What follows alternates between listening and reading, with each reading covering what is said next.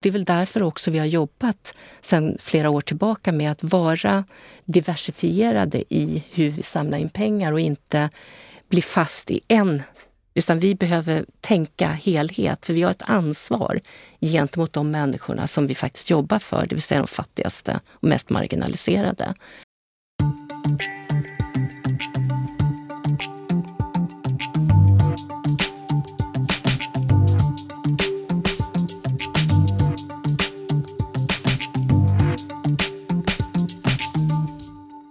Henrik! Ja, Ted, hej! Hur är läget? Jo men det är bra. Eh, jag sitter här och eh, fortfarande lite uppfylld av eh, förra veckans avsnitt. Att Inspire tog det historiska steget att tillsammans med Insamlingspodden komma med ett erbjudande till hela branschen. Bara en sån sak. Ja, kommer du ihåg erbjudandet? Ja, men det var väl en förstudie va? Förstudie och en workshop. Ah, gratis. Gratis om man hör av sig till 845 inspire. Mm. Och du har bokat in? Inte än faktiskt. Nej. Men det är på G? Ja, ja, ja nej, men jag gillade det. Men jag har haft så mycket jobb med podd och grejer. Mm. Och eh, julkampanj på jobbet. Då. Det är mycket som ska levereras. Fattar. Eh, men idag är det ett helt nytt avsnitt och vi ska prata om vad då? Vi ska prata om WaterAid. Och bryggan över där är ju att vi hade en eh, legendar och en eh, lite idol för dig, eh, Per Stenbeck, eh, säsong 1 avsnitt 4. Just det. Då, vi satt ju här på flyget du och jag gick igenom vad vi hade gjort för grejer när vi kunde flyga tillsammans. Vad har vi egentligen producerat i podden? Och då kom vi, tittade vi på Per Stenbeck-podden och, och så pratade han om WaterAid där. Mm. Och eh, hade ju en sägning som var så himla bra. Eh, för han startade ju WaterAid i Sverige. Och det han då sa är att det han lärde sig var att antingen så måste man ha ett starkt varumärke eller så måste man ha ett kanonerbjudande. Och så mycket av de saker som Per säger så tar man ju med sig det. Erbjudandet, skitviktigt. Eh, men det han också då, och det var ju då i samband med när han startade WaterAid som han hade uppe det här. Och då tänkte vi, vi måste ju höra, hur har det gått med varumärket och erbjudandet? Mm. Och eh, just den där sägningen kommer ni få höra alldeles strax från Per själv. Vi ska klippa in det. Vill man höra hela storyn om både eh, hur han kom på att han skulle starta WaterAid eh, och hans karriär och insamlingen i Sverige eh, i dess begynnelse så tycker jag det är ett fint avsnitt att gå in och lyssna på. Men vem ska vi prata med från WaterAid? då? Du sätter mig på prov vad gäller namn. Mm. Tack. Eh, det är Nadja Forslund som är insamlingschef på WaterAid som vi kommer att släppa in i studion. Då har Nadja Forslund från eh, WaterAid kommit in. Ja, det har jag. Välkommen i studion. Eh, nu skulle det vara någon form av film för att du smälter så väl in i miljön. Aha. Med din eh, blåa tröja och de blåa väggarna. Snyggt! Jag visste ju vad jag skulle göra. Jag ville ju göra ett intryck. Det var ju så. eh, Nadja Forslund Wateraid sa jag, men eh, du eh, är ju en eh, kändis i branschen och har varit med väldigt, väldigt länge. Eh, och därför är det också en stor ära att ha dig i studion, att du är här. Men du började redan i början på 90-talet. Mm. Eh, vem är du och berätta lite grann. Oj, eh, vem är jag? Eh, ja, men jag? Jag är en passionerad fundraiser och jag känner verkligen att jag är en fundraiser och inte någonting annat. Eh, tycker att jag är privilegierad och har fått jobba på så många olika organisationer, fått göra det här jobbet och få vara med om den här resan med utvecklingen som har varit i, i hela sektorn. Eh, från det jag jobbar på Cancerfonden till det jag är idag på Vårtrade. Fantastisk, fantastiska människor, fantastiska möjligheter och, och um, ja, jag känner mig privilegierad, kort och gott. Men sen så är jag ju naturligtvis mycket annat också. Man är ju en privatperson också. Och det är ju någonting annat. Och då är jag ju en Stark Hammarby-supporter förstås, som jag gärna skryter om. Bara bajare! Bara ja, Är det så här? Nej, bosatt på Söder, eh, har varit tränare i Djurgården och är aik så hatad ah, av alla. Då har vi lite av varje. Men eh, passionerad fundraiser, vad, mm. vad är det som du älskar med yrket fundraiser och vad, vad var det som gjorde att du kände att ja, men, det är det här? Ja, men, kort och gott är att jag kan se om jag gör ett bra jobb eller om jag inte gör ett bra jobb. Det är mätbart. Man ser direkta resultat. Det tycker jag är en superkick. Jag är en tävlingsmänniska, gammal idrottare, elitidrottare inom fotboll och innebandy. Då gillar man och se resultat. Man är målstyrd och fundraising är att vara målstyrd. Man ser de här tydliga målen. Och det man gör också i med marknadsföring och försäljning, det är ro, roligt och väldigt viktigt att få göra någonting bra. För det är det jag hoppas på att, att man hela tiden gör. En liten, liten, liten, liten del förstås, men man gör någonting åtminstone. Och det känns väldigt, väldigt tillfredsställande. Jag hoppas att jag är med och förändrar världen till lite, lite gott. Så det är kombinationen av det här resultat och eh, att vilja vara med och göra någonting bättre. Fint. Känns som vi är väldigt lika vi tre personer som sitter här i rummet. Det är fint att ge, det är fint att jobba med insamling. Ja. Vi hade ju i eh, insamlingspoddens eh, begynnelse, jag pratar om avsnitt nummer fyra, så hade vi Per Stenbeck här. Mm. En av mina stora förebilder inom branschen. Eh, han var ju med och startade WaterAid i eh, Sverige. Eh, och eh, vi kände att vi vill koppla tillbaka lite till det där och höra, ja men hur, hur gick det sen då efter att han hade startat? Så om vi tar och börjar på att lyssna från ett klipp från avsnitt nummer fyra. Vill man höra hela, det är väldigt lustvärt, så ska man lyssna på det. Men vi tar det här klippet först. Jag hade förväntningar om att jag skulle kunna göra något liknande som Rädda Barnen och Greenpeace och de här stora organisationerna som jag hade jobbat i kunde göra och gjorde i, i insamlingssammanhang. Men eh, det visade sig att det var inte riktigt så enkelt. Eh, för det lärde jag mig the bitter way genom eh, att ha jobbat, och jobbat då i eh, WaterAid och se att det går inte att skicka ut insamlingsbrev på samma sätt som man gör i Rädda Barnen. För att eh, den som öppnar det här brevet får ett meddelande från en organisation de aldrig hört talas om. Och i Rädda, fallet Rädda Barnen så är det ungefär 99 procent av svenska folket har hört talas om Rädda Barnen. Det finns, går inte att hitta någon som inte vet vad Rädda Barnen är för någonting. Men än idag, efter kanske, vad är det nu för 10-15 år, så är det ju ganska många som inte vet vad WaterAid är för någonting. Och ska man samla in pengar från den breda allmänheten då måste man ha ett känt varumärke eller en oerhört attraktivt erbjudande som i sig är mycket lockande. Och där kan man så se den spännande skillnaden mellan eh, WaterAid och eh, Operation Smile. Operation Smile. Som du har suttit i styrelsen för? Ja, just det. Suttit i styrelsen för. Och de klarar sig på att vara eh, att vara ett, ha ett attraktivt erbjudande. Att Den naturliga frågan blir ju här, är varumärket tillräckligt starkt eller hur ser erbjudandet ut nu då? En jättebra fråga. Är varumärket tillräckligt starkt? Nej, såklart inte. Det är det inte och det kommer aldrig bli tillräckligt starkt för jag tror inte någon får 100% varumärkeskännedom. Vi har idag eh, 53 procents varumärkeskännedom, hjälpkännedom. Så det är ganska så bra tycker jag för att vara 13 år gammal. Vi är ju en ganska ung organisation fortfarande. Eh, men jag tänker så här, att det finns också metodiker man kan använda för att komma ut till allmänheten. Där du kan ha samtal med människor och därmed samla in pengar. Och där vi har faktiskt jobbat mycket med just face to face och door to door. Och där behöver du faktiskt inte ha varken ett starkt, ja, framförallt du behöver inte ha ett starkt varumärke, men det är klart du behöver ha ett bra erbjudande. Och det tycker jag faktiskt att WaterAid har. Det är det mest basala som, som vi erbjuder. Rent vatten, då kan vi göra andra saker sen. Har du inte rent vatten så kommer det vara så mycket annat du inte kan göra. Så det är liksom fundamentet på något, på något sätt.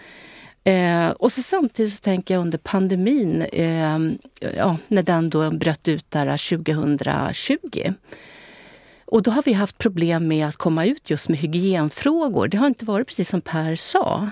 Det har inte varit lätt. Det har inte varit en fråga vi har funderat på här kanske i Sverige. För vi sätter på vattenkranen, vi kan tvätta händer, vi har tvål, vi har alla de förutsättningarna. Men helt plötsligt med pandemin så hände ju någonting i hela Sverige. Helt plötsligt började vi bli medvetna om tvätta händer, sprita händer, noggrannhet med hygien och det. Och där var vi jättesnabba. Vi ställde om all vår kommunikation. På tre dagar var allting upp, upp up and running.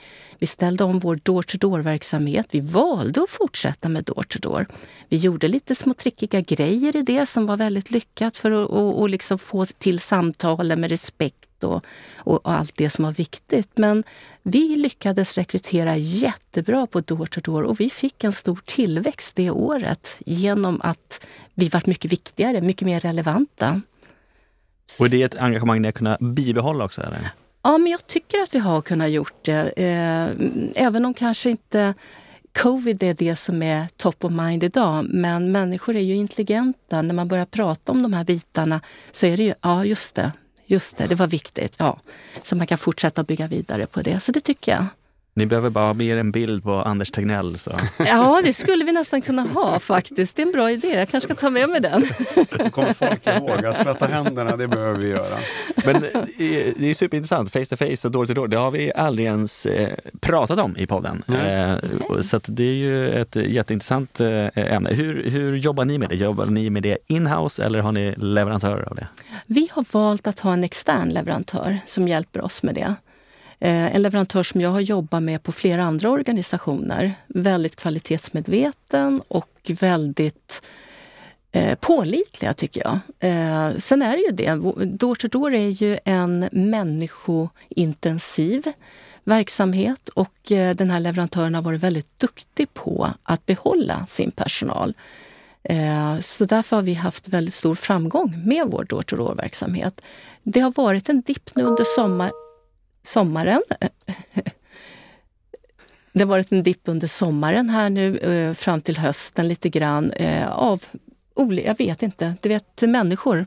Slutar några stycken i en grupp, då är det lätt att resten slutar och så vidare. Men generellt sett så har det varit en otroligt viktig del för oss på Wartrade för att kunna få den ökade tillväxten som vi har haft. Så när jag började så låg vi på Eh, på privatinsamling. Och det beror inte bara på mig, utan det beror verkligen på hela teamet. Vi är ett gäng som jobbar med det här. Då samlar vi in ungefär 7 miljoner på privata pengar. Och förra året så var vi uppe i 14 drygt miljoner. Så att vi har dubblerat på privatinsamling. Och för oss är det mycket pengar. Ja, men verkligen. verkligen. Och en stor ökning. Men om man backar lite grann där, för eh, som Per sa så, så blev det ju en liten eh, näsbränna och en eh, nit att nej, men här ska vi köra på privatinsamling. Mm. Eh, och, och, då fick man tänka om lite grann och om man tittar på era siffror så, så handlar det ju ändå om någon form av hockeyklubba. Det gick väldigt snabbt uppåt till en nivå på 50-60 miljoner. Eh, och då, eh, eftersom man ju har kollat av er lite grann, nej, men då vet mm. jag att det handlar om att ni gjorde en företagssatsning där. Eh, och hur, hur gjorde ni den? Har du koll på det och hur jobbar ni med företagen? det var väldigt intressant när Wartrade började, eller startade med Per och att man faktiskt började jobba just med företagssamarbeten där och då. Det var inte lika vanligt i sektorn. Många var ganska rädda och många var ganska skeptiska till företagssamarbeten. Eh, och det visar sig vara ju väldigt, har varit väldigt, väldigt lyckosamt. Vi har idag fantastiska samarbeten med flera företag som har varit med väldigt många år. Eh, alltså, bara för att nämna ett som jag tycker är helt fantastiskt. Ett, eh, ja, nu börjar det växa, men det var ett ganska så litet företag som har varje år stöttat oss från Göteborgsområdet som heter Pollex troget ställer upp, alltid eh, promotar oss, gör massa fina grejer. Till ett större företag som till exempel Göta Energi som hjälper oss idag och stöttar oss och bidrar med massor med pengar. Lindex, vi har enormt mycket fina samarbeten där vi gör allt ifrån det vi kallar för cross-marketing-kampanjer, det vill säga eh, man brandar en produkt till exempel och eh, säljer det då till förmån för oss Eh, vi har mycket rena avtal där vi eh, får pengar eh, för att göra vårt jobb. En del av de pengarna är väldigt riktat till verksamhet. Till exempel det vi gör med Lindex gör vi stort arbete i deras fabriker i Bangladesh. Så det är lite olika beroende på vilket typ av företag och hur de vill jobba med oss. Så försöker vi hitta sätt och lösningar på att samarbeta och göra någonting riktigt bra ihop. Och jag tror att det våran flexibilitet, våran, våran kreativitet i att hitta smarta lösningar tror jag har varit mycket eh, nyckeln till att det har varit så framgångsrikt med företagssamarbeten för oss. Och vad har varit strategin för att nå de här företagen? För om, om man backar tillbaka till Per igen som mm. säger att ja, men det här är, det är svårt med det här. Hur, hur hittar ni företagen då och fick dem att köpa in på det här? Mm. Nej, men mycket handlar ju om hållbarhet. Eh, det är ju det mesta vi pratar om numera och har gjort det ganska länge. Och vatten är ju en resurs som finns alltså som är förutsättning för mångt och mycket. Och tittar man på textilindustrin så är den otroligt vattenintensiv. Och det som har varit spännande, som jag eh, är både stolt och glad över, det är att vi har kunnat räkna från Wartrades sida på lönsamheten i företagssamarbeten. Så att lönsamhet för företagen genom att göra insatser med oss, det vi kallar för WASH, det vill säga vatten, sanitet och hygien. Gör vi de sakerna på fabrikerna, till exempel att öka, det ökar till exempel eh, att människor kommer till jobbet, inte är lika sjukskrivna för de kan tvätta sig själv. Kvinnor som menstruerar, när de då eh, har menstruation så kan de kanske inte vara på jobbet för att det finns inte toaletter där. Eh, eller inte de möjligheter med hygienförhållanden då missar de arbetsdagar. Det blir problem för produktionen i, i företagen eller de här fabrikerna. Genom att se till då och, och jobba med till de här företagen att ha eh, bra toaletter, bra eh, vatten, alltså för att kunna tvätta händer, eh, möjlighet att sköta sin menshygien och så vidare. Då kommer de här människorna till jobbet och därmed så blir produktiv, produk, produktiviteten så mycket, mycket bättre. Och det kan vi visa. Vi, kan, vi har tagit fram eh, return on investment-siffror och det och det använder vi i relation till, vår, till partners och visar på det att en investering på Wash är faktiskt lönsamt för människorna på plats, vilket är jätteviktigt. Det är därför vi jobbar. Vi jobbar för de fattigaste och mest marginaliserade. Men det är också bra för företagen, för de investerar också i sig själva. Ja, men Snyggt! Mm, Imponerande. Det är bra. Hur Privatperson säger du, där ligger ni på 14 miljoner nu. Mm. Eh, företagssidan, hur mycket pengar drar ni in där per år om vi pratar pengarna här? Och... Cash cash pratar vi cash, om här. Cash pratar vi. ja, men 16-17 miljoner på eh, eh, företag och eh, nu ligger vi, vi räknar med ungefär 16 miljoner på privat. Eh, det är ungefär det. Mm. Och sen så naturligtvis så, um, så har vi ju Postkodlotteriet. är ju en jätteviktig... Eh, vi är förmånstagare till dem. De är otroligt viktiga för oss och de är otroligt viktiga för hela branschen. Mm. Det är ju, eh, utan dem så skulle inte Wartrade ha, ha kunnat bygga upp sin verksamhet i Sverige om jag ska vara riktigt, riktigt ärlig. Eh, och jag tror att det gäller många organisationer. Tack vare Postkodlotteriet så får vi den starten vi behöver. Absolut. Nej, men, och det, jag tog en printscreen här på, eh, från årsrapporten med just ja. fördelningen ja. och med de här fyra färgerna med företag, allmänheten, Svenska Postkodlotteriet och övriga organisationer så har ni en väldigt fin fördelning där. Ja. Det ser väldigt jämnt och fint ut med de här olika fyra färgerna. Hur resonerar ni kring liksom, fördelningen på intäkter? Ja, men det är roligt att du ser det, för det är faktiskt eh, det är någonting eh, som vi pratade väldigt mycket om när jag började så pratar vi mycket om att vi måste höja privatinsamlingen.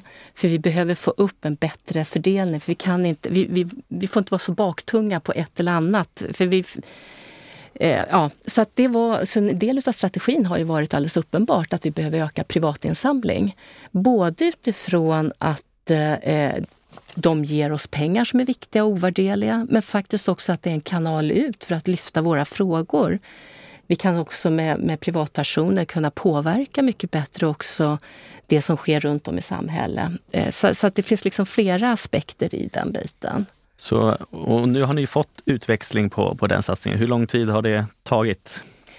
Nej, men, eh, ja, men vi dubblerade ju på två år eh, och eh, nu, kommer vi ju, nu har vi inte råd att investera lika hårt just nu. Så att nu kommer det gå lite, lite långsammare. Men vi ser en ökning, en tillväxt på några miljoner i alla fall varje år, eh, så som vi tror nu. Vi vet ju inte och det är mycket saker runt om just nu som är osäkert. Men, men eh, vi jobbar på med det och vi ser att vi ehm, att vi, ehm, jag tänker på det som Per sa också, det här med att eh, det går inte att skicka brev ut till givare för Wateraids givare. Så har det nog varit väldigt mycket tidigare, men så är det faktiskt inte heller längre. Utan vi ser att vi börjar få bättre resultat på våra eh, insamlingsbrev och att man faktiskt vill engagera sig eh, även med vad ska jag säga, gamla metoder. Men jag tror också de här viktiga bitarna med att använda eh, Swish, använda eh, Adovio, som vi, den tjänsten, Adovio-tjänsten, jätteviktigt. Där ser vi ju också att vi, ju mer vi använder det, ju bättre och ju mer framgångsrikare är vi att få pengar på det. Så, men våra målgrupp är nog eh, generellt sett något yngre än vad eh, majoriteten av organisationer är. Och därför är det viktigt för oss med det digitala. Och yngre, vad är en yngre för er?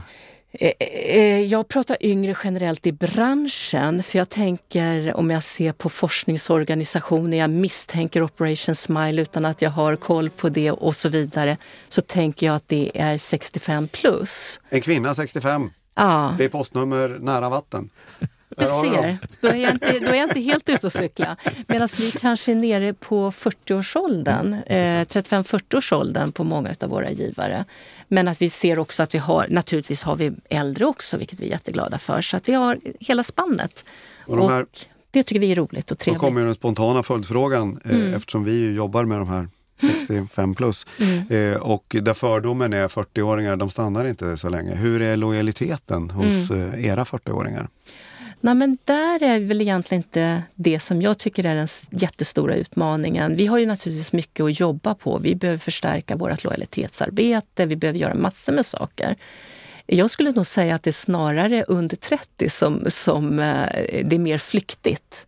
Eh, och där tänker jag att jag tror ehm, ehm, jag tror vi kanske, ah, hela, hela sektorn kanske är lite fast i hur man ska ge och, och så att vi liksom kanske inte själva har moderniserat oss tillräckligt mycket i hur vi ska förhålla oss till lite yngre människor. För yngre människor är naturligtvis jätteengagerade och har jättestort hjärta precis som resten av, av, av oss alla i åldersgrupper. Men har sämre förutsättningar att binda upp sig på, på pengar och kanske också vill inte vara lika fast. Då måste vi också hitta sätt att möta dessa människor så att de har en chans att faktiskt vara med och göra någonting bra. För jag är säker på att de vill göra mycket bra. Och vi, kan, se- vi har hittat lite saker, men, men vi behöver jobba på lojaliteten. Där, där är vi inte jättebra ännu, men det ligger på, högt upp på vår lista. Ja, Adovio i alla fall, det är en del av den Mm. resan. Mm, men det är det. Det är ett bra verktyg skulle jag säga. Men verktyg måste ju användas smart och klokt. Och Malipo är ju en annan eh, liknande. Precis. Mm. Vi pratar Swish-lösningar. Ja, S, eh, ja, precis smset, kunna använda mobilnumren på smarta sätt. Ja, precis. Och där har vi mycket att jobba på fortfarande. Ja, men då är vi inne på, då måste jag fråga dig Nadja här. Vi, vi gjorde ju ett uh, Swish-test jag och Ted. Det går att lyssna på i eh, avsnittet som släpptes för några veckor sedan. Eh, där Ted och jag smsade, swishade till eh, 30 organisationer och önskade gott nytt år. Och så såg vi vad som hände. Eh, och nu när du sitter här framför mig, blir jag så nyfiken. Då måste jag fråga, hur tänker ni och hur jobbar ni och så här. För att vi swishade den eh, 11 januari eh, till er. Eh, och eh, så fick vi inget tack, men helt plötsligt fick vi ett tack, nämligen den 2 februari. Då skickar ni ett tack 11 och 10 eh, mitt på dagen. Bra tid. Eh, och tackar för att jag har swishat till er. Och vill du inte få den informationen, mejla info.wateraid.se. Jag kan tycka att det är, det är smart att göra den. Och sen så läser vi behandlar dina personuppgifter här. Eh, för att ni behåller mina personuppgifter för vi vill gärna skicka information till dig om hur din gåva bidrar till att fler människor får rent vatten. Eh, det var ju spännande, då tänkte man nu kommer, vi an, nu kommer man in i snurran här och får reda på saker. Men det hördes ingenting förrän den 8 september och då var det akut i Pakistan. Eh, så, så hur jobbar ni med eh, Swish och Swishgivare och eh, tacket? Alltså Ted och jag var, vi, vi, vi tillhörde de sämsta i klassen för vi skickade inga tack, varken Operation Smile eller Neuro. Så det är inte för att liksom, Nej, nej, utan det är bara för att ha det här så undrar jag hur för jag tycker formuleringen så här att vi behåller gärna för att skicka mer information. Det bygger för att, sjutton nu kommer jag få reda på grejer. Ja. Nej, men det är jättebra att du tar upp det, för det, det är ju lite speciellt det här med Swish och jag tror eh, det jag kommer säga nu tror jag vi alla känner igen det i att Swish är ju egentligen en fantastisk tjänst för, för människor. Men den är inte lika fantastisk för oss organisationer för det man då kallar för backoffice är otroligt komplicerat med inläsningar hit och dit. Ehm, vi har ju pratat jättemycket internt om hur ska vi göra det här och det finns en del tjänster att koppla på. Men de är så himla dyra för att göra det här på ett snyggt och smart sätt. Så ehm, eh, helt ärligt så är det så att vi läser in de här betalningarna och det tar tid för det är så komplicerat. Det låter helt hemskt när jag Ja, ja. säger det men nu är jag väldigt, väldigt transparent och ärlig. Som du sa, vi känner igen det. Alltså jag sitter ju på samma grej liksom. Och då måste man hitta ett system för Ah. att, ja, och så sen så helt plötsligt så torsdagar klockan 13 när jag har möte, ja då blev det inte den veckan att jag läste in. Ja, nej, men det är lite, lite så. så att, eh, det är egentligen svaret på varför det tog så lång tid. Det är s- mycket eh, att göra och så får man in det ordentligt i systemet och sen så man, kan man få ut det här tacket som vi egentligen skulle vilja att det gick omgående. Så som ni berättar i den här podden, att det var några som var fantastiska. Det är ju det här vi sitter och tittar på hos oss. Eh, vi är inte nöjda så som det är nu. Vi kommer att bli bättre, så jag tänker att Ja, jag vågar inte säga någon tid, men, men vi, vi behöver förbättra oss. Det är alldeles uppenbart. Och speciellt om vi ska kunna engagera yngre människor och fortsätta hålla lågan brinnande. Eh, så att eh, vi, vi har lite hemläxa att göra och det tycker jag är kul. Det tar vi med oss. Ja, det är väl skönt det, att det finns Ja. saker att jobba på. Ja, men definitivt. Men den här fina utvecklingen ni ändå har haft inom eh, privata insamlingen, att det har Mm. dubblat på två år. Vad, vad är det ni har gjort då? Är det face to face och door to door som du är inne på? Eller vad är de stora satsningarna som ni har? Ja, men den stora satsningen, om vi säger den, den investeringssatsningen är ju door to door. Det råder ingen tvekan om. Men jag skulle faktiskt också säga att det är det agila arbetssättet. Att vi faktiskt var väldigt snabba med att gå in och ta vara på pandemin på ett bra sätt. Att en väldigt tråkig och, och um, jobbig situation kunde vi vända till någonting viktigt och förmedla vad, eh, ja, men vad som händer i resten av världen också. Och här finns det viktiga, viktiga saker vi kan göra tillsammans. Men det togs emot bra att ni trots Ja. pandemi var ute och knackade dörr. Det var ingen Ja. som ifrågasatte det. Nej, men visst var det eh, några samtal fick vi, men, men det får du ju när du skickar ut ett brev också. Det får du när du ringer samtal och så. Så att jag, jag, ingenting som vi tyckte var något problematiskt. Vi gjorde några smarta grejer. Vi hade handsanitet med oss. Såklart. Ehm, så när vi knackade dörr så hade vi det och sen hade vi faktiskt det också som en giveaway. Vi fick ett företag att bidra med sådana till oss, så vi kunde ge det. Vi gjorde också så att vi hade en linjal på två meter som vi la ut ehm, och visade tydligt för givarna att vi höll två meters avstånd för att visa respekt. Mm. Så vi försökte liksom använda eh, rekommendationerna, vara noga med det, vara tydliga med att vi inte över, eh, liksom, eh, gick över några gränser och så vidare. Och, och återigen, den här byrån var jätteduktig och fantastiska personer som hjälpte oss att varva massor med månadsgivare.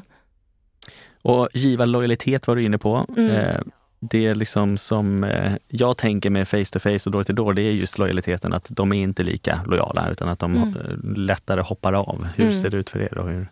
Nej men absolut, visst är det så att eh, avhoppssiffrorna är högre på door to door. Eh, och den är ännu högre på face to face, eh, lägre på door to door, är min erfarenhet i alla fall. Ehm, så visst, vi har det och det är det vi jobbar med eh, när jag pratar om att vi jobbar med lojaliteten och behöver tajta till den och göra den bättre. Eh, men visst, den är högre avhopp än vad det är på um, om du ringer personer och så. Och just de här människorna som är ute eh, och går från dörr till dörr, eh, Mm. de, de måste ju ha full koll på er. Hur jobbar ni med liksom att få, få dem informerade och inspirerade och kunna allt om sanitet? Ja, kunna allt. Jag vet inte om det är någon som kan allt, men, men kunna tillräckligt mycket för att kunna svara på frågor. Det tycker jag att eh, de, eh, de verkligen kan. Vi håller ju utbildningar såklart, jätteviktigt. Eh, vi, har, vi bjuder in dem på lite Eh, om vi har någon presentationer från någon kollegor i, i världen som berättar om, om någonting, eh, så, så bjuder vi alltid in dem. Vi hade till exempel en digital resa från Nepal, eller till Nepal eh, för, ja det var i våras. Då bjöd vi in dem så de kunde vara med och titta på det också, lyssna och se och lära. Vi uppdaterar dem skriftligen regelbundet så att de liksom har, eh, händer någonting hos oss så skickar vi och informerar dem före. Ehm, och sen vet jag också att de är väldigt duktiga på att själva gå in på vår hemsida, läsa på, ta reda på information. Det här är engagerade människor, det är engagerade unga människor som vi har som, som verkligen brinner för våra frågor. Och de blir ju ofta så, när de väl har jobbat ett tag med en organisation så blir de otroligt engagerade och tycker att det här är viktigt. Det är de som stannar kvar och jobbar ganska länge med just Door to Door. Ted är så intresserad av det där för han eh, är, ligger i fasen på det. Ja, han vill själv börja med det. Ja, men ja, då kan jag lite de, är, de är redan igång. De är igång. de är igång. Vi Vad var i Göteborg och träffade ett gäng som hade varit ute en vecka då eh, och Eh, ja, det var bra att vi var där. Okay. För de har varit ute en vecka och det kändes som att de hade inte helt stenkoll på eh, vår verksamhet. Och Din så. upplevelse är inte riktigt densamma som Nadias? Nej, men eh, vi är ju också i, eh, inte startgroparna, vi har jobbat med det förut, men, men eh, Um, ja, startgroparna med ett, en ny leverantör och så. Mm. så att, ja, men det är ju just det där att få dem att bli lojala givare som har varit problemet. Mm.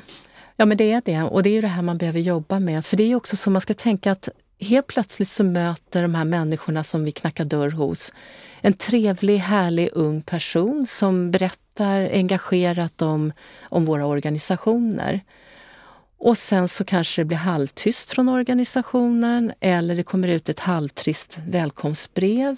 Det är inte, eh, alltså, vi måste ju tänka på eh, liksom hela den här kommunikations delen att inte gå in i det här att det är samma sak som folk som ger en gåva via ett brev. Utan de har ju haft det här mötet, det här personliga mötet. Och det är där vi behöver fylla upp med hur jobbar vi då med det för att det fortfarande ska kännas väldigt personligt och härligt och tillgängligt. Och det är där jag tror egentligen är den stora nyckeln till att Eh, Eh, till att skapa den här långsiktiga lojaliteten med de vi rekryterar. Samtidigt som man också ska vara medveten om att människor, eh, när man får ett, en förfrågan så blir man ganska eh, Gillar man personer man möter så är det lätt att ta ett beslut som man kanske inte riktigt har tänkt igenom. Eh, det är inte helt ovanligt att man får, och det har säkert du också fått Ted, eh, frågor, eller mm, det ringer någon upp och så säger ah, jag, jag, jag blev månadsgivare hos er igår men nu när min man eller min fru kom hem så eh, vi hade inte kommit överens riktigt om det här så att jag måste sluta, avsluta det här. Så att, det är liksom, man blir ju lite passionerad och det är lite grann som tv-galor, lite samma sak. Man sitter och tittar på tvn, man gillar personen som sjunger eller vad det är, och man ger en gåva och så kanske inte alltid att man fullföljer för att det var där och då, det, ganska, det finns något impulsivt i det. Så det är lite andra sätt att tänka och vi behöver bli duktigare på att ta emot människor då och hitta olika sätt att kommunicera med dem efter med passion. För jag tror passion är nyckeln. Mm. mm. Jag vill gå internationellt och eh, ni är ju en internationell organisation och de funkar ju lite på lite olika sätt. Eh, hur fungerar WaterAid och hur jobbar ni tillsammans, de olika? Är det federationer ni heter eller vad är det? ja, vi kallar oss för en federation. Är, ja. ja. Självständiga eh, medlemmar i en federation. Just det. Ja, nej, men jättebra att du frågar det. Eh, nej, men jag tycker, det är nog faktiskt egentligen första gången jag kommer på en internationell organisation som verkligen på riktigt jobbar tillsammans. Eh, när WaterAid eh, började så var ju vi väldigt, väldigt beroende utav WaterAid England. De hjälpte ju oss jättemycket eh, och gör det fortfarande i olika avseenden. Jag har ju sett de siffrorna när vi gick igenom årsrapporten. Ja, du ser. Då talar jag sanning. Ja. Nej, men, men det är de, det, men ett jättebra exempel är egentligen eh, det fina samarbete som de hade från början med H&M och H&M Foundation. Eh, och, um, det var ett väldigt etablerat samarbete. Men när väl WaterAid startade här i Sverige, då fanns det ju all anledning att vi fortsätter det samarbete här i Sverige. Och det tyckte WaterAid UK att det är en självklarhet att det samarbetet ska fortsätta här i Sverige. Och det tyckte jag var rätt fantastiskt och det har också varit väldigt viktigt för oss att kunna ha det samarbetet, för det har rört sig om väldigt, väldigt mycket stöd och också väldigt mycket viktigt programarbete som vi har uppnått tillsammans. Så det är en del. Den andra delen är egentligen allt det kommunikationsmaterial som våra kollegor i England gör, som vi faktiskt bara kan ta rakt upp och ner och översätta. Och allt från filmer, bilder, texter, eh, allt som de gör som vi får rakt upp och ner ta när vi vill, hur vi vill. Och hur mycket styr de ifrån Storbritannien? Hur mycket är det att ni själva får ta del av material och anpassa bäst ni vill?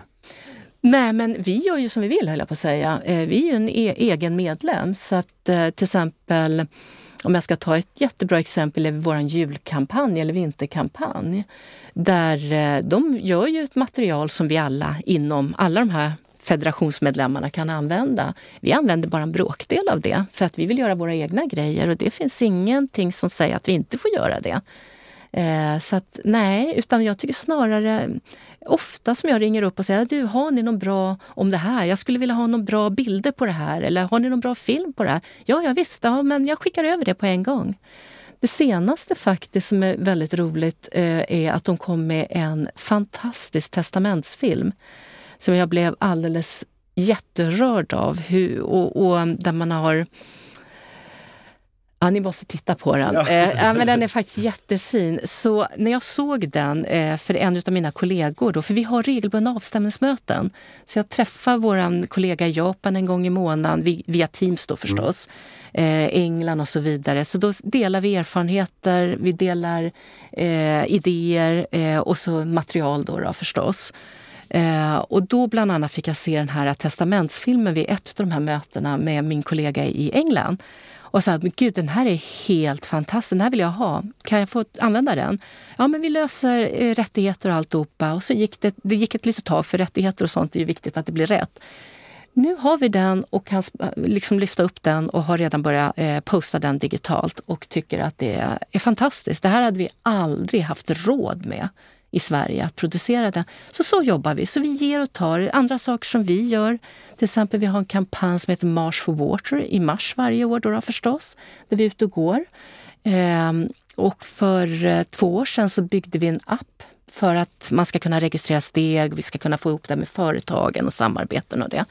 Det tittar våra kollegor i Indien på nu och, och, kommer kanske vilja planka den rakt upp och ner och ta den av oss. Även engelsmännen tittar lite grann på den. Så att Nej, men vi, jag tycker vi delar rätt mycket, både vad gäller eh, på kommunikationssidan och insamlingssidan. Eh, och, eh, ja. Vad härligt och positivt. Ja. Vilken eh, skön feeling. Underbar. Ja. Jag tycker jättemycket om mina kollegor internationellt. De är fantastiska. Vi får gå in och kolla testamentesfilmen. Gör det. En cliffhanger. Ja. Men eh, och, eh, globalt så är ni väldigt stora också internt. Eh, ni, mm -hmm. Det är en annan skärmdump jag har. Att ni låg på plats tre, inte långt efter USA. Mm. Eller Amerika som stod här. Hur kommer det sig att liksom Sverige är så, att ni blir så stora? Ja, jag skulle säga Dels skulle jag säga Per Stenbecks eh, arbete från början när han startade WaterAid. Han hade en väldigt klar och tydlig vision. Han gjorde någonting som väldigt få organisationer gör. Det här är min uppfattning då, så att det får ni ta för min uppfattning. Han satte en väldigt professionell styrelse, en affärsmässig styrelse och fick eh, Jan Eliasson att både vara ordförande och han är fortfarande väldigt engagerad i WaterAid som ambassadör. Då, då. Han fick också kronprinsessan Victoria att eh, vara ambassadör eh, för, för WaterAid. Så det, mycket av de här eh, sådana bitar var väldigt viktigt. Det öppnade dörrar, det gav oss möjligheter i kombination med vårt fina samarbete med England som också eh, gav oss HM Foundation kan jag inte säga, men de såg till att vi tog över det samarbetet på ett väldigt bra och fint sätt. Eh, det har bidragit till mycket. Och sen såklart att eh, Sida är ju ovärderligt för oss. De har ju varit med oss i många år och det, det har ju också varit en viktig del i det. Så att, eh, och sen inte förglömma, eh, alltså svenska företag och svenska, och svenska folket är väldigt generösa. Det är människor som vill göra någonting bra. Sverige har en fin tradition utav att bidra på olika sätt, på olika nivåer. När du nämner Sida så måste vi ju, för det känns ändå som de står för en stor del av eh, era mm. inkomster. Mm. Eh, hur länge har de gjort det? Ja men det är ju nästan från början som, som vi har haft, ja. Jag vet inte exakt vilket år. Men... Nej, nej, men ni satsade redan från början på, mm. om vi ser det här när vi gick tillbaka, så mm. privatpersoner gick inte. Mm. Då tog man företag och, och institutionella medel istället. Precis, mm. eh, så är det. Och det är en eh, summa som jag, som jag har växt. Och, och nu då? Mm. Eh, hur, hur känns framtiden när, när eh, biståndet inte är den det är den hetaste saken att diskutera men det är mm. få som säger att biståndet ska ökas utan det är mm. mer om det ska dras ner till 9, 7 eller ännu mindre procent utav BNP. Mm. Eh, så hur, hur ser WaterAid på den utvecklingen? Nej, men det är klart att eh, det finns ju en risk att vi också påverkas, precis som alla andra organisationer. Och i, i synnerhet eh, så tycker jag kanske inte att det är så intressant med oss organisationer, utan jag tänker ju mest att det är människor runt om i världen som faktiskt kommer påverkas enormt mycket. Och speciellt nu när vi ser kriget i Ukraina, vi ser det som händer i Iran, massa eh, problem med demokrati, diktaturer som växer, vi ser eh, fattigdom, vi ser en ökad, jag menar att 35 barn per timme dör i diarrésjukdomar.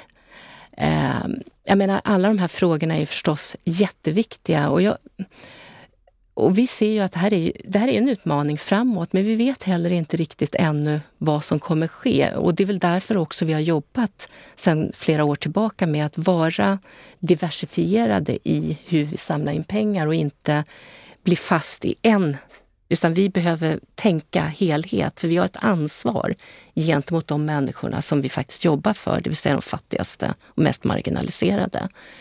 Men jag tänker också att ehm, um, vatten, sanitet, hygien är en grundförutsättning för all verksamhet egentligen. Så jag tror nog ändå att det finns goda möjligheter att vi har ändå ett bra bistånd oavsett regering framåt. I kombination med att det skapar möjligheter för andra att faktiskt också steppa upp och ta ansvar. Det vill säga företag kan göra ännu mer och vara med. Och de är redan viktiga och de gör redan en insats. Men vi kan göra mer. Det finns människor med större kapital som skulle kanske också vilja gå in och börja ta, eh, göra ett statement. Jag tänker det finns ju massa utmaningar som man gör i andra länder eh, med att man har bestämt att man ska ge en viss del av sin förmögenhet till organisationer och det. Jag kan tänka mig att det kanske kan komma den typen av initiativ nu när det behövs mer än någonsin stöd till den här typen av verksamhet. Spännande framtidsbarn. Jag hoppas det. Ja, det var en, ett härligt framtidsbarn ändå. Mm. Alltså i det dystra hittar du, du ser ändå positivt på framtiden. Absolut. Bra. Vad, vad, och er egen framtid då? WaterAid? Ja men, ja, men det är ju jättepositivt. Det finns ju alla förutsättningar. Eh, jag, jag väljer ju att tänka möjligheter. Jag ser nästan bara möjligheter. Eh, och jag ser att eh, vi får växande mängd människor som gillar oss och som stödjer oss. Eh, vi har precis gått in i ett jättespännande samarbete med en, en tidning som vänder sig till den arabiskspråkiga gruppen, Aktar heter de. Eh, och där känner jag att gud vad spännande, här ska vi få kunna kommunicera direkt till en målgrupp som annars kanske inte ta, kan ta emot vårt budskap. Så att jag tänker vi får vara kreativa, hitta andra sätt att jobba, nå människor och det gör vi. Och det är bara upp till oss att göra det. Grymt. Och insamlingsbenen som vi var inne på, vad, vad, vilket, vilket kommer ni satsa på framöver? Det har varit fokus privat, är det fortfarande fokus framåt? Eller? Absolut, det handlar ju om att diversifiera eh, privatinsamlingen nu och eh, det är ju inte fint att vi börjar visa upp testamentsfilmen. Det hoppas vi naturligtvis att det ska ge oss någonting, att människor ser att ah, den här möjligheten finns också till en organisation som WaterAid. Vi hoppas på, um, eh, ja men det är lite olika delar på privatinsamling som vi hoppas på att vi ska kunna komma igång med. Men jag tänker också när det gäller företag. Eh, där har vi också lite nya idéer och nya tankar som jag kanske inte riktigt vill släppa just nu. Komma tillbaka någon annan gång och berätta. ja. Men där har vi också lite andra... Eh, vi har några eh, spännande idéer som vi tänker försöka göra på så att vi ska kunna få mer pengar på det. Och sen så skulle jag säga att Eh, det finns massa stiftelser som vi fortsatt har fina relationer till. Vi, jag menar, om inte annat Världens barn som var här i fredags. Jätteviktigt. Musikhjälpen. Jag menar, det finns hur mycket som helst. Vi, jag tror att vi alla kan hitta, eh, måste hitta andra sätt att, att, få in pengar även från det institutionella. Och som sagt var, jag är övertygad om att vi kommer kunna fortsätta att jobba ihop med Sida. För Sida är otroligt viktig för oss och för eh, resten av världen. De är en förebild i mångt och mycket. Nadja, vad härligt det är att höra dig. Mm. Du är så positiv och eh, släpper idéer och håller på en del saker och vill komma tillbaka hit. Du är självklart välkommen tillbaka. Tack. så Nadja, du ska ha stort tack för att du kom till Insamlingspodden. Tack för att jag fick komma. Jättetrevligt och kul.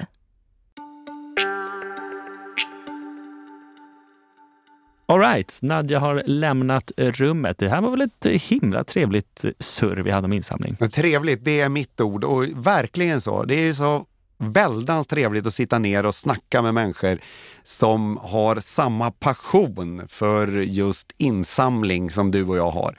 När hon i början där sa att jag är en passionerad fundraiser så kände jag, jag älskar henne. Verkligen. Gillar siffror, gillar mål. Eh, ja, pang gillar att testa. Check, check, check. Det, det, är där, det är där man är. Gillar att testa. Mm. Arabiska gick de på. Ja. Det var ju otroligt. Jag glömde frågan, men på, på sajten så dök det upp också där på olika sätt man kan ge. Bitcoin. Ja, de, de, hon gillar att testa helt enkelt. Mm. Och det var, det var roligt. Och så sen så tycker jag det var, gick ju igenom bra. Eh, faktiskt. Det tog avstamp i, i vad Per sa eh, hur det var för drygt tio år sedan när man startade och sen så fram till idag, hur utvecklingen har sett ut och kurvan. Mm. Så att, eh, ja. Och sen gick jag igång lite på face to face där och år till år. ja, jo, men det är det, det. Passionen finns ja, där, både hos dig, hos mig och hos Nadja. Så att jag såklart ville fiska ur, lura ur lite grann extra om uh, hur de jobbar face to face och door to door. Ja, och så fick du ju gå igenom Swish-testet också eh, och komma in på den problematiken som vi alla eh, har eh, många gånger med just det här eh, hur, hur jäsiken vi ska få alla system och allting prata ihop.